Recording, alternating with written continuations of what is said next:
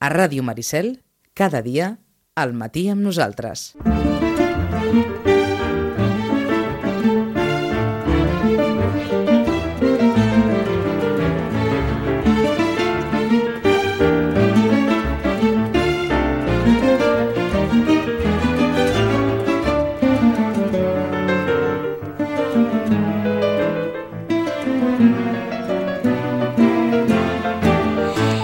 Perquè de novetats en continuen arribant. Per les novetats no val ni, ni el Carnaval, ni, ni la Festa Major, ni la Setmana Santa. Ja ho saben que, que el món editorial no para.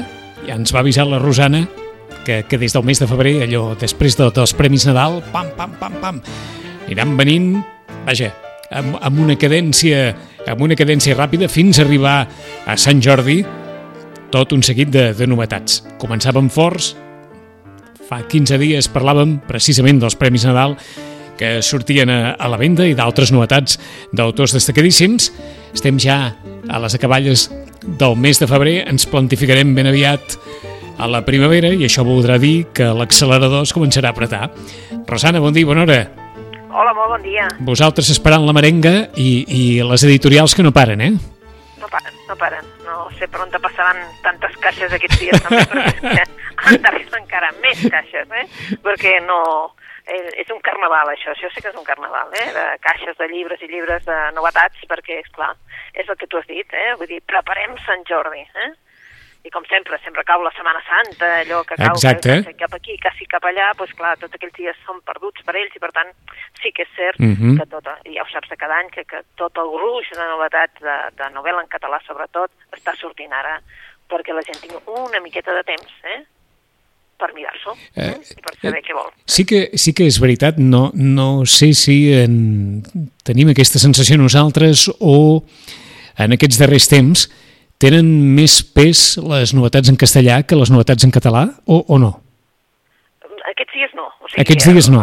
Aquests dies no. O sigui, febrer és un mes especialment eh, molt abundant en català, perquè ve Sant Jordi. Mhm. El que sí és cert que el maig, juny, mm, són mesos com a molt fràgils en aquest sentit i en canvi com que també eh, hi ha la Fèria del Llibre de Madrid, etc etc i es comencen a fer fires per arreu d'Espanya i llavors eh, el que passa és que comencen a editar en castellà també perquè hi hagi novetats per la Fèria del Llibre de Madrid. D'acord. No es queixarien, saps? Vull dir que si tot ho posem aquí, malgrat que moltes editorials són d'aquí, per tant ho treuen per Sant Jordi. Uh uh -huh. uh, que quedi clar, però, que aquest any no hi haurà cap problema perquè dilluns de Pasqua és el 13 d'abril, Sí, per tant arribarà Sant Jordi amb, amb la primavera avançada i amb la Setmana Santa i la Pasqua passada, no hi haurà aquella coincidència que hi ha hagut alguns anys, per tant el Sant Jordi, diguem-ne que, que respondrà a tot allò que, que forma part de la, de la tradició. No hi haurà, en, en aquest sentit, cap problema ni de coincidència de dates ni d'aquells dies tan,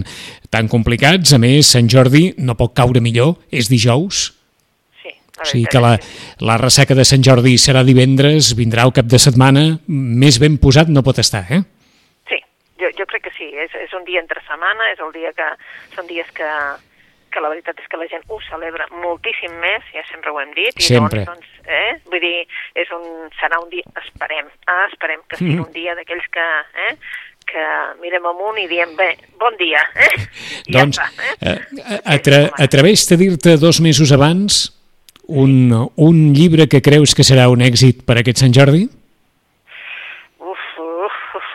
Tornarà a passar igual, eh? No, no sabem encara, encara no, no t'ho podria dir, perquè no, no, no l'he llegit encara, eh? Perquè, esclar, els premis, els premis, sobretot ja saps que el que triomfa és un premi d'aquells que surten de Premi Rull, eh, Premi Ramon Llull, Premi Sant Jordi, premi... I, i jo encara no els he llegit, t'ho reconec que el Premi Ramon Llull encara no ha sortit, surt Mhm. ja, uh, el Premi Sant Jordi acaba de sortir i darrerament el Premi Sant Jordi no sé, eh? Vull dir, el, aquest any és del David Nello, és un autor que és força conegut eh, també com a novel·la juvenil, o sigui que Mhm.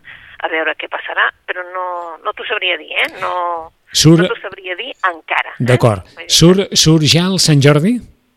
El, el Sant Jordi ha sortit, acaba de sortir. Acaba de sortir, eh? Les amistats traïdes acaben de sortir. Acaba de sortir, sí. Eh? El que passa... Des de que hem canviat de, saps, de sistema i tal, les portades no són tan... Saps allò? trenca, que, Ja. que, que criden, no, no són tant, que no criden tant les filtrades, però vaja, jo acabo de sortir i, i, esperem que faci un bon recorregut, Mhm. eh? perquè, esclar, ja et dic, esperem, eh? que tot ajudi perquè faci un bon recorregut. Però esclar, és que com que ha sortit tanta cosa, eh, està a punt de sortir també el Ramon Llull de la Núria Prades i agafa-t'hi, eh? Surt. Memòries de Puigdemont. Primer volum. Oh, Mm. tens raó, Vale. que ja ara no, ara no la recordaven. El primer volum. El primer volum, eh? que diuen que té 700 pàgines. El primer volum? El primer volum. Però quants anys- tema- escolta'm, no, no, quan- és tot, el tema procés, eh? Ah, no, és clar, és el que anava a dir, eh? perquè, perquè Puigdemont No, té no. anys, però tampoc en té tants. No, no, no, no, no és el, és el tema Ah, ja. polític. El no? tema polític. El tema 700, 700 pàgines. Ens han avançat, eh? No hem vist el llibre, no hem vist res, però han avançat, eh? Però també surt l'Antoni Bassas. Vale? Surt també el... Què ha fet, eh, què, què ha fet Antoni Bassas? Antoni Bassas fa també un tema procés. Un tema procés. I Gonzalo Boye també. També. Escolta'm, anava a dir, no cal que hi afegeixi ningú més res al procés, perquè amb aquests tres ja, ja fem, eh? Ja, saps? Vull dir que, esclar, dius, eh, eh, mm, aquests tres seran... Ah, també, no ens oblidem, surt el Sandro Rossell, Caram. que posa una mica allò que tothom, eh? Vull dir, sembla que... És a dir, el 14 Sandro, dret, eh? òbviament, el Sandro Rossell, després de la presó Ah, exacte. i de la seva, incul i de la seva inculpació sense cap fonament. Ah, exactament, o sigui que posa caldo, eh, es veu que posa caldo, encara ens ho han d'explicar perquè encara no hi ha hagut el, el llibre ni, ni Mhm. però posa caldo absolutament a, A tothom. ha pogut, eh? Vull dir, assessorat pels seus advocats, eh? Vull dir que... No, això segur. Vull dir que surten aquests que seran allò pedres de dir, mm, saps? Allò de que la gent s'hi Sí, tira, sí. veritat, Que no són, recordem que no són novel·la, eh? No són novel·la, no són ficció. És a dir, no, no estem parlant d'autors literaris, ni de novel·la de ficció, no? però que sabem que seran llibres que tindran un pes important dintre de- d'aquests que tu deies els més venuts, Sí. tindran un pes important i se- s'emportaran també doncs, una part de, de, de les ventes gran, suposem, eh? perquè ja et dic que suposo que també són llibres que... La, a veure, quan va sortir el- el Antoni Bassas de, i, i, i que, eh, aquell era Bon dia són les 8 i era un Sí. llibre sobre el programa de ràdio Oh. i sobre... Vale? Vull dir que ja va ser un llibre que es va vendre molt. En aquell, en aquell llibre hi havia, hi, hi havia una anècdota molt bona que segurament bé va passar allò eh, ara que es parla tant també de, de, de, bé, com sempre de, dels mitjans i la política, hi havia una anècdota molt, molt, molt, diguem-ne, molt aclaridora eh, a la qual es referia Antoni Bassas parlava que mai havia tingut massa feeling amb, amb Jordi Pujol massa bon feeling no, no l'havia tingut. Nosaltres recordem sempre que les entrevistes amb Pujol mai respectaven els senyals horaris perquè perquè no hi havia forma humana, de, de, sempre, sempre els travessava. I Bassas comentava que en més d'una ocasió havia anat a buscar, quan l'havia d'entrevistar, Jordi Pujol, al despatx del pis de dalt. Perquè només arribar, ell se n'anava a, a parlar amb el, amb el director de Catalunya Ràdio i, i Bassas continuava fent el programa i quan, i quan li tocava l'hora de l'entrevista Bassas l'havia d'anar a buscar al despatx del pis de dalt, que era una forma molt, si volen, metafòrica o famística de fer referència fins a quin punt doncs, aquesta, aquesta connexió més enllà ja de l'època Pujol de, de, del poder amb els mitjans sempre ha estat molt evident. El llibre va ser, com, com diu la Rosana, un èxit total i Bassas va fer, vaja, va anar a parar eh, a Sitges i tot amb una, amb una xerrada al Prado que, que estava atestada de gent, o sigui que per descomptat que aquest també serà com molt bé dius tu, un dels llibres que de ben segur es vendrà per, per aquest Sant Jordi, encara que no faci referència estrictament eh, al, al seu període radiofònic o les seves anècdotes radiofòniques. No, eh? però vaja, per això dic que aquests són els que ni, no tenim portada, no tenim res encara, però, però bé, eh, sabem que vaja, que ja hem demanat Ahà. els llibres, eh? Sí, que i, el, i, el, perquè- perquè i faci si no recordo malament, exacte, també eh, està per veure si sortirà o no, però aquesta setmana el Punt Avui presentava com a titular a la, a la seva primera pàgina una entrevista que li feien, ell és, eh, entre altres coses, articulista del Punt Avui, que és en Francesc Cabana, en Francesc Cabana que deia en veu alta tinc fet el llibre sobre banca catalana i Jordi Pujol. Mare de Déu. Doncs potser que el treguin una miqueta més tard, perquè si no ens, ens col·lapsarem. Eh? Si, si, pot, no si, si pot mereixer més o menys interès ara eh, aquest, aquest episodi, vist com ha anat la, la trajectòria del, del president i, i, i tot el que va passar a posteriori, però en qualsevol cas eh, aquest va ser el titular que va presentar el punt avui a l'entorn de eh, Francesc Cabana. Tinc eh, fet el llibre de Jordi Pujol i Banca Catalana. El seu nou llibre se subtitula Memòries més aviat amables. I certament no ho són. I com diria un altre dels autors, ahí lo dejo. Ahí lo dejo. Bueno, Ahí lo dejo. Eh? O sigui que de moment Puigdemont, Antoni Bassas, Gonzalo Boya i Sandro Rossell Sí. tenen a- llibre per Sant Jordi.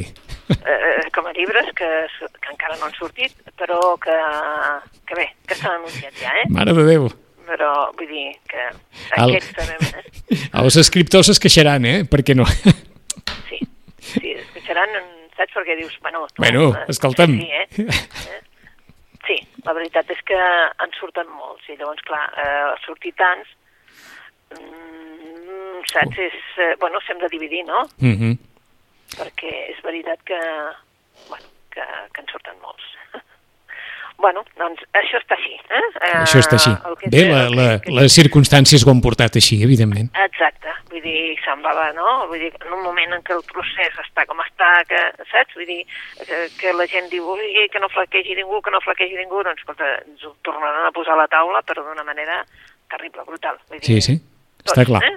Doncs, don, doncs de moment eh, la Rosana ja ens ha deixat anar aquestes, aquestes quatre previsions per Sant Jordi, més enllà de les novel·les, com els comentàvem, ha sortit eh, de David Nelo Les amistats traïdes, que és el Premi Sant Jordi, una novel·la de traïcions, amb un autor, diguem-ne, conegut, i com deia, com deia la, la Rosana, sobretot en aquest àmbit de, de literatura juvenil, i, i per tant les novetats comencen, comencen a comptar-se ja amb un nombre important. Per on vols que comencem, Rosana?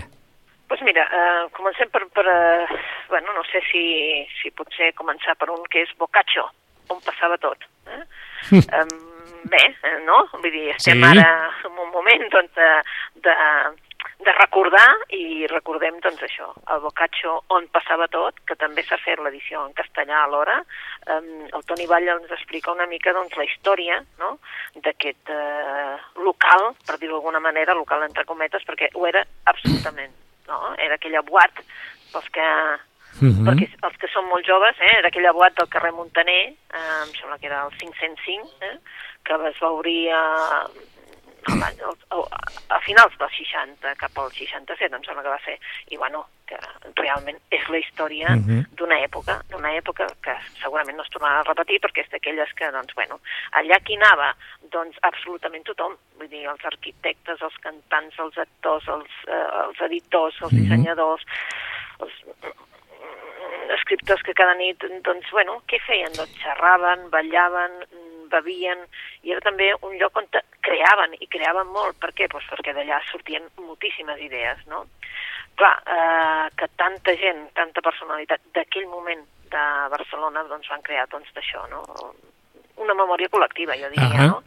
I el que ha fet, doncs, bueno, eh, qui hi havia, doncs és que, clar, des de la Teresa Gimpera com a icona, no?, eh, que clar, ara ho pensem i dius, bueno, però la Rosa Regàs, Sí, sí, i tant. vale? vull dir, Òscar Tusquets, els, els Tusquets que van ser molt importants en aquella època també, mm, mm, l'Elisenda Nadal, la Colita com a fotògraf, Mhm. la... Els més joves, Elisenda Nadal no la recordaran, però la dona que va estar al capdavant de fotogrames Sí, durant tants anys, tants anys, tants anys, ara fotogrames, eh, les darreres informacions la van enviar a Madrid, va haver un, un dalt a baix a la redacció barcelonina de, de fotogrames, però Elisenda Nadal va ser, diguem-ne, vaja, en fi, la, la dona del cinema a Catalunya durant molts anys, per descomptat que gent amb nom i cognom, eh? Ah, exacte, vull dir que són gent com a, com a clar, molt coneguts, no? Vull dir que en el món editorial, pues, eh, l'Òscar Tusquet i, i, i, i també la seva dona, la Beatriz de Moura, eh, evidentment també la seva germana, Esther Tusquets, vull dir, el Gonzalo Herralde, el Jorge Herralde, de, de, que va fundar Anagrama, el seu germà, que, que, que estava en el món del cinema.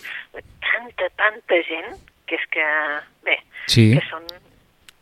Bueno, que eh, aquell llibre doncs, pretén fer doncs, això, no? Um, una, un repàs al que va ser aquest, la història de- d'aquest èxit Mhm. no? empresarial de, de, de, de, més a més d'una marca, eh? perquè Boccaccio amb aquella B... Amb aquella B tan- Eh? Tan, tan, bueno, de disseny. Sí, sí. diguem, No? Doncs que va crear també el, doncs, una marca doncs, precursora en, en el seu terreny, no? I la veritat és que és un llibre doncs, per, per recordar una època. Eh? Mm, Evidentment, doncs, surten tots els de la, el Sagarra, l'Anna Maria Moix... Eh? Bueno, mm, una mica el, el disseny és molt bocatxo, per la gent que, que el coneix, doncs a dintre, no? Sí. La Teresa com a icona amb el, amb el segell de, eh, per tot el cos de, de Boccaccio. Mhm. Amb Bé, unes, amb unes fotografies esplèndides que li feia... Va morir fa molt poc. Sí. Eh, l'home de l'anunci de Freixenet i l'home que va fer el, vaja, la pel·lícula de presentació de Barcelona als Jocs Olímpics, el fotògraf que va entrevistar el Verom, el convidat, ja molt veterà i que va explicar moltes coses. Ai, la memòria, que em faig gran. És igual, sortirà en algun moment o altre. Gràcies, Leopold Pomés. Ha aparegut, Ah. ha aparegut en Joan per dir-me Leopold Pomés, sí senyor. Leopold Pomés, l'home que va fotografiar, vaja, no només Teresa Gimper, sinó que la va convertir en una icona, en l'icona de la, de la Goix Divin, Exacte. que és la, la marca de fàbrica de Boccaccio, la, la Goix. Divin. L'agost divin, exacte. bueno, doncs eh, aquest llibre doncs, és... hem començat per aquest, vull dir, també una mica per aquest sentit de festa de carnaval que tenim aquesta setmana, però com que hem començat també per aquest gent que hi havia escriptors, editors, etc, un lli- llibre molt més seriós i que ens fa un repàs, eh? un repàs al, al món editorial també, era dels del Jaime Salinas, quan editar era una fiesta, correspondència privada, que és una edició d'Enric Bou. Jaime Salinas, eh, fill del poeta, Ahà. eh, doncs va ser un gran editor. Ell va aterrar aquí, eh, vull dir, de, de, ell, la veritat, d'educació anglesa, va aterrar eh, l'any 55 eh, i va entrar a Sex Barral. Eh? Va entrar a Sex Barral i el que no sabia és que ell protagonitzaria un dels canvis més eh, increïbles que hi va haver en el món editorial en aquell moment. Eh? Ell és el gran creador de l'Aliança, vale? Aliança Butxaca, com, que Sí. va, va, va marcar tota una època, no? Eh, L'Alfaguara aquell de color lila que hi havia, que també, doncs, també és ell. Vull dir, ja ha passat per una sèrie d'editorials i ha marcat amb el seu segell d'una qualitat i de mm, d'una altra manera de fer que, que els veiem portades, maneres d'editar, etc etc. quins autors editava i quedes desgarrifats, perquè per l'època, no? penseu que era des del 55 cap aquí. Clar, en aquella època, una època en, en blanc i negre, Sí. doncs ell va fer posar-li una mica de color a la literatura. Per això aquestes memòries, evidentment, només interessen a un públic molt lector o que li interessi doncs, el tema de l'edició.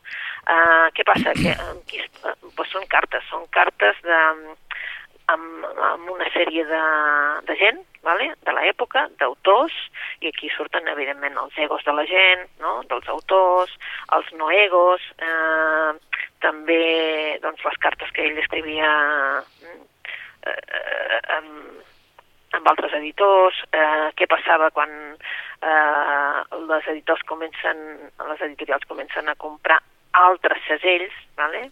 com per exemple Aliança va començar doncs, a comprar Taurus, eh, després això es van separar i ara Taurus doncs, eh, forma part d'un altre segell, però aquí el que sí tenim és una mica doncs, un repàs d'aquesta època i també anem veient doncs, eh, una mica com s'editava abans, no? des de les afueres del Goitisol amb una portada que ara no, no reconeixeria, no? o la manera de, de La ciutat i los perros, que és l'edició que tots vam llegir de Biblioteca Breve. Eh?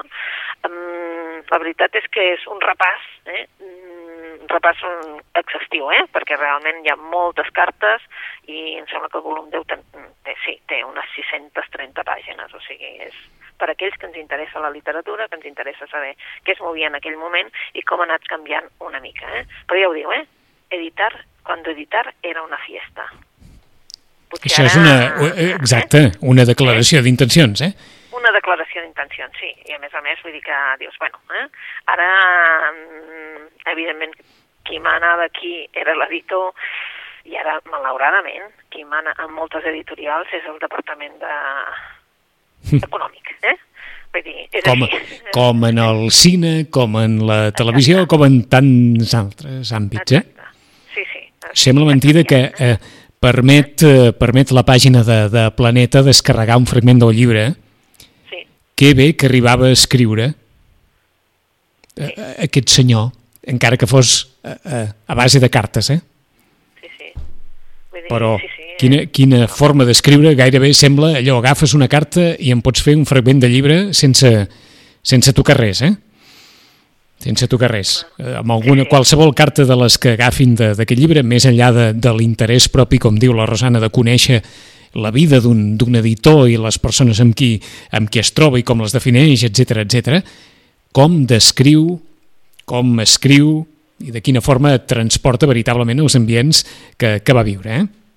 Sí, la veritat Bé, és que sí. A més doncs... a més, vull dir, clar, ell venia clar, ell va, estar, va, va, va créixer a l'exili perquè eh, Pedro, Sal, eh, Pedro Salinas, el seu pare, vull dir, va marxar, llavors ell va créixer a l'exili, tenia educació, ja us dic, més aviat anglesa, no?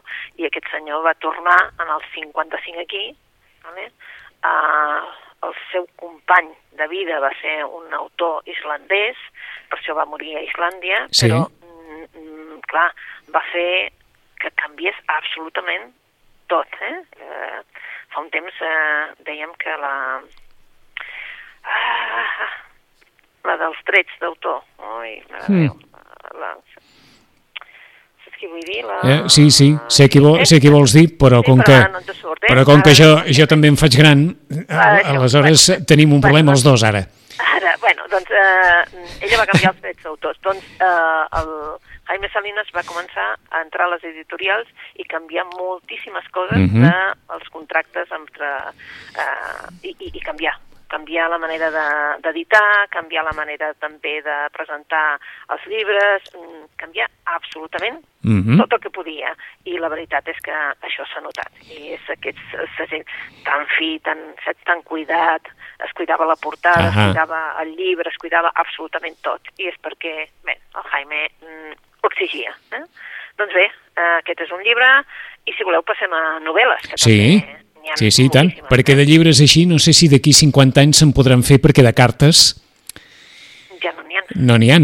Bé, hi ha, correu, hi ha correus electrònics que no s'escriuen mai com s'escriu una carta. Mai. Aleshores, difícilment, diguem-ne, difícilment ens podrem trobar amb, amb aquesta forma d'escriure tan meticulosa, tan, tan sincera, tan honesta, que fa allò d'escriure sobre paper, però vaja, de moment, de Jaime Salinas, quan d'editar era una fiesta, tot un seguit de propòsits de cartes recollides pel professor Enric Bou, hm?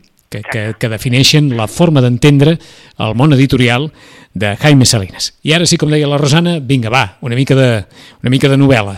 Una mica de novel·la, vinga, doncs una mica de novel·la seria, per exemple, una que ha sortit en català i en castellà, en català per 62, en castellà per asteroide, i es diu A imatge seva.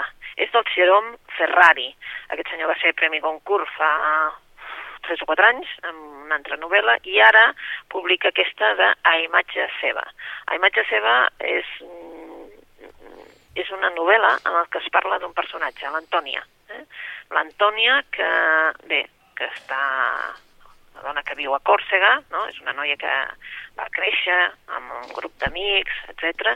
i de cop i volta, eh, ara, eh, una tarda d'agost, es creua amb un, amb un personatge que reconeix, que és el Dragan, i fa un reportatge, un reportatge que estava fent de bodes, i torna i vol tornar cap a casa. Vol tornar cap a casa, és molt tard, són les tantes de la nit, però uh -huh. decideix que vol tornar cap a casa. Agafa el cotxe, les coses, i se'n va cap a casa. I l'endemà la troben eh, amb el cotxe estimbat amb, amb un, amb un barranc. A partir d'aquí, com que ella mora, eh, a partir d'aquí el que veiem és el funeral i va combinant el funeral i els preparatius d'aquest funeral amb també el que ha estat la seva vida. Vale?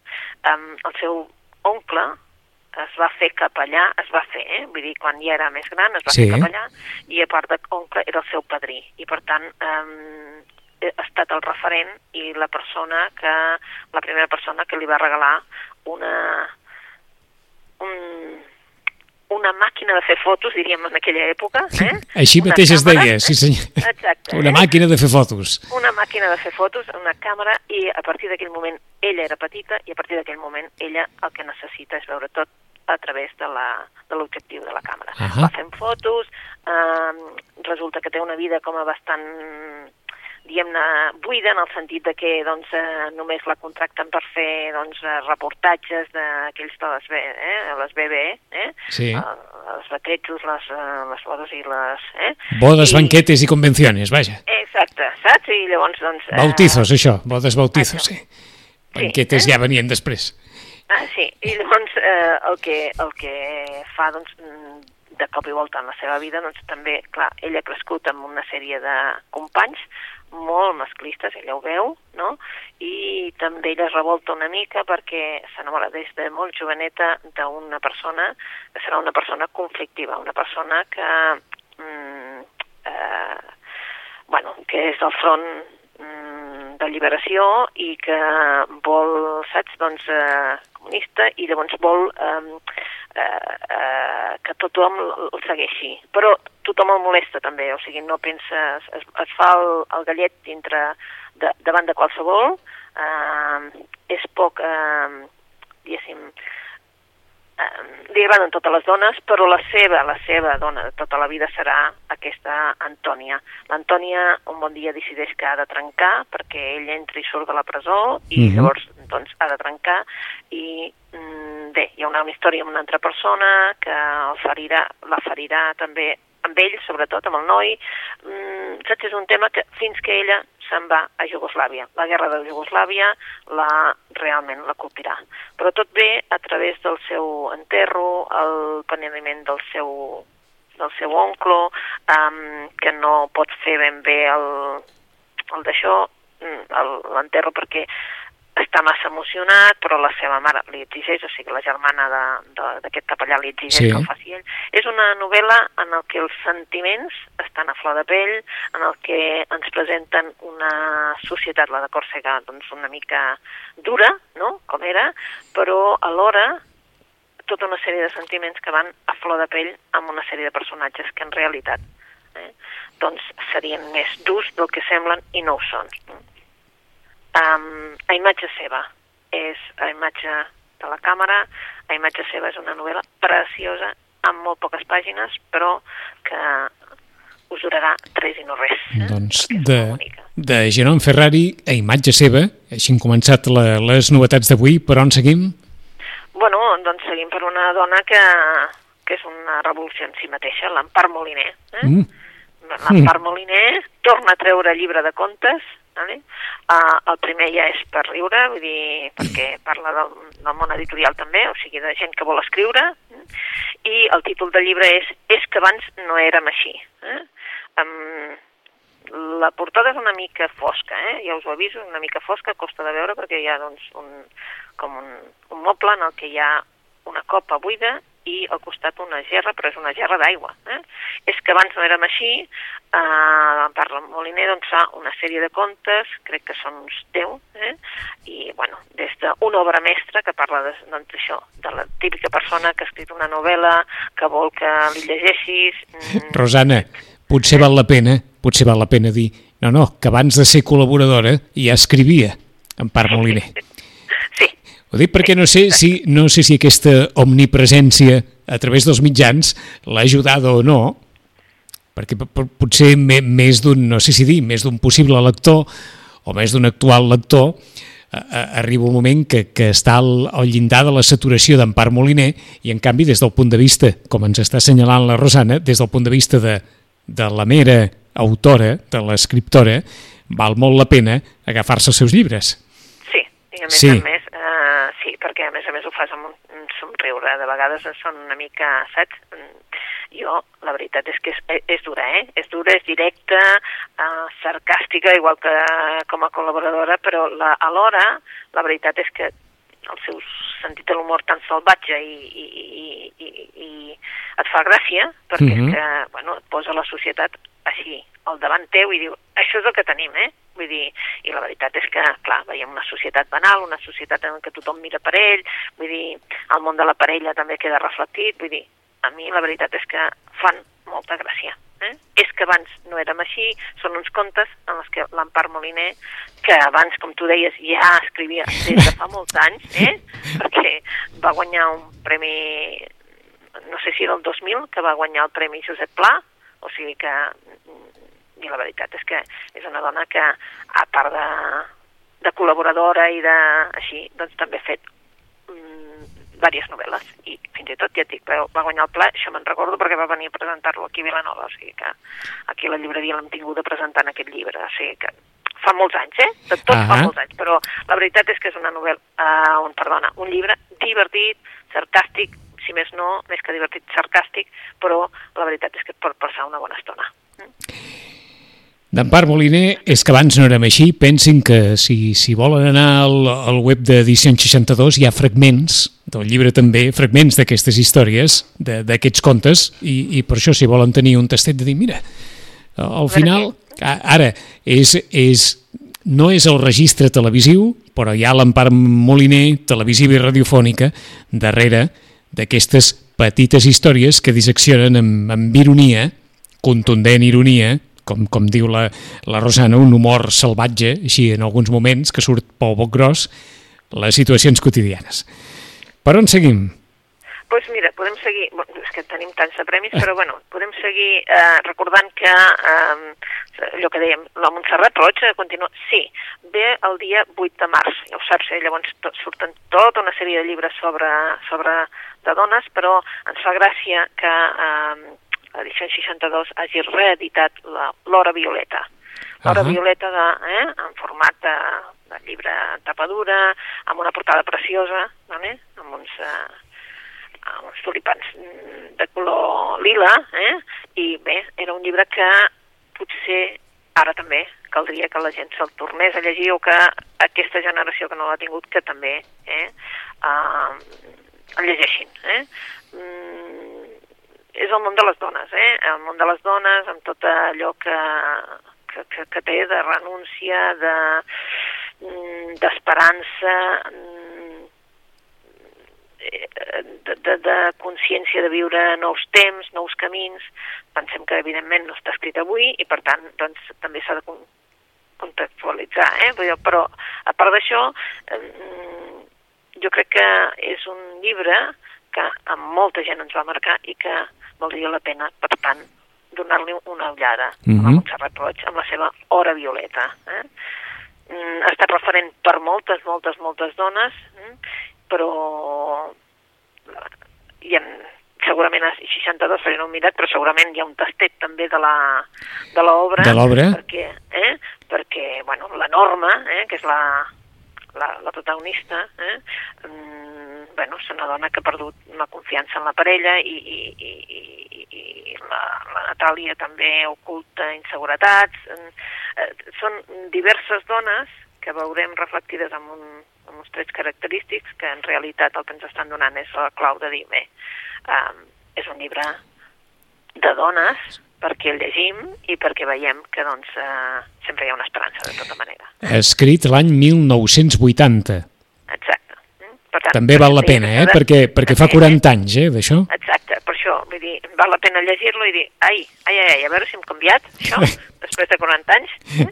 doncs val la pena llegir-lo i per això avui li hem donat també aquella d'això de dir, ostres, quin gust tornar a tenir la Montserrat Roig. Ah Bé, doncs, eh, eh, això de cara al, el llibre ha sortit ja, eh, per això, o no? Sí, sí, sí, sí, el llibre ha sortit. el llibre ja ha sortit, L'Hora Violeta de Montserrat Roig, escrit l'any 1980, i en què podem acabar, Rosana?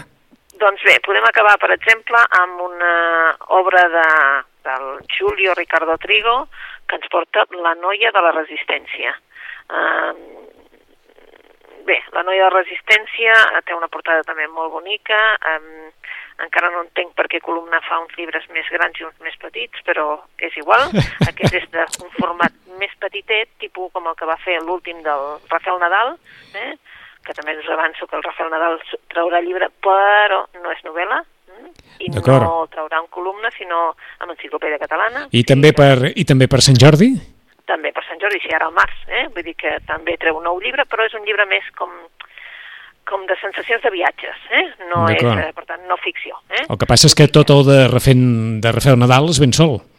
Exacte, per això et que, que, que quan hàgim de fer la travessa aquella que, que sí, fem...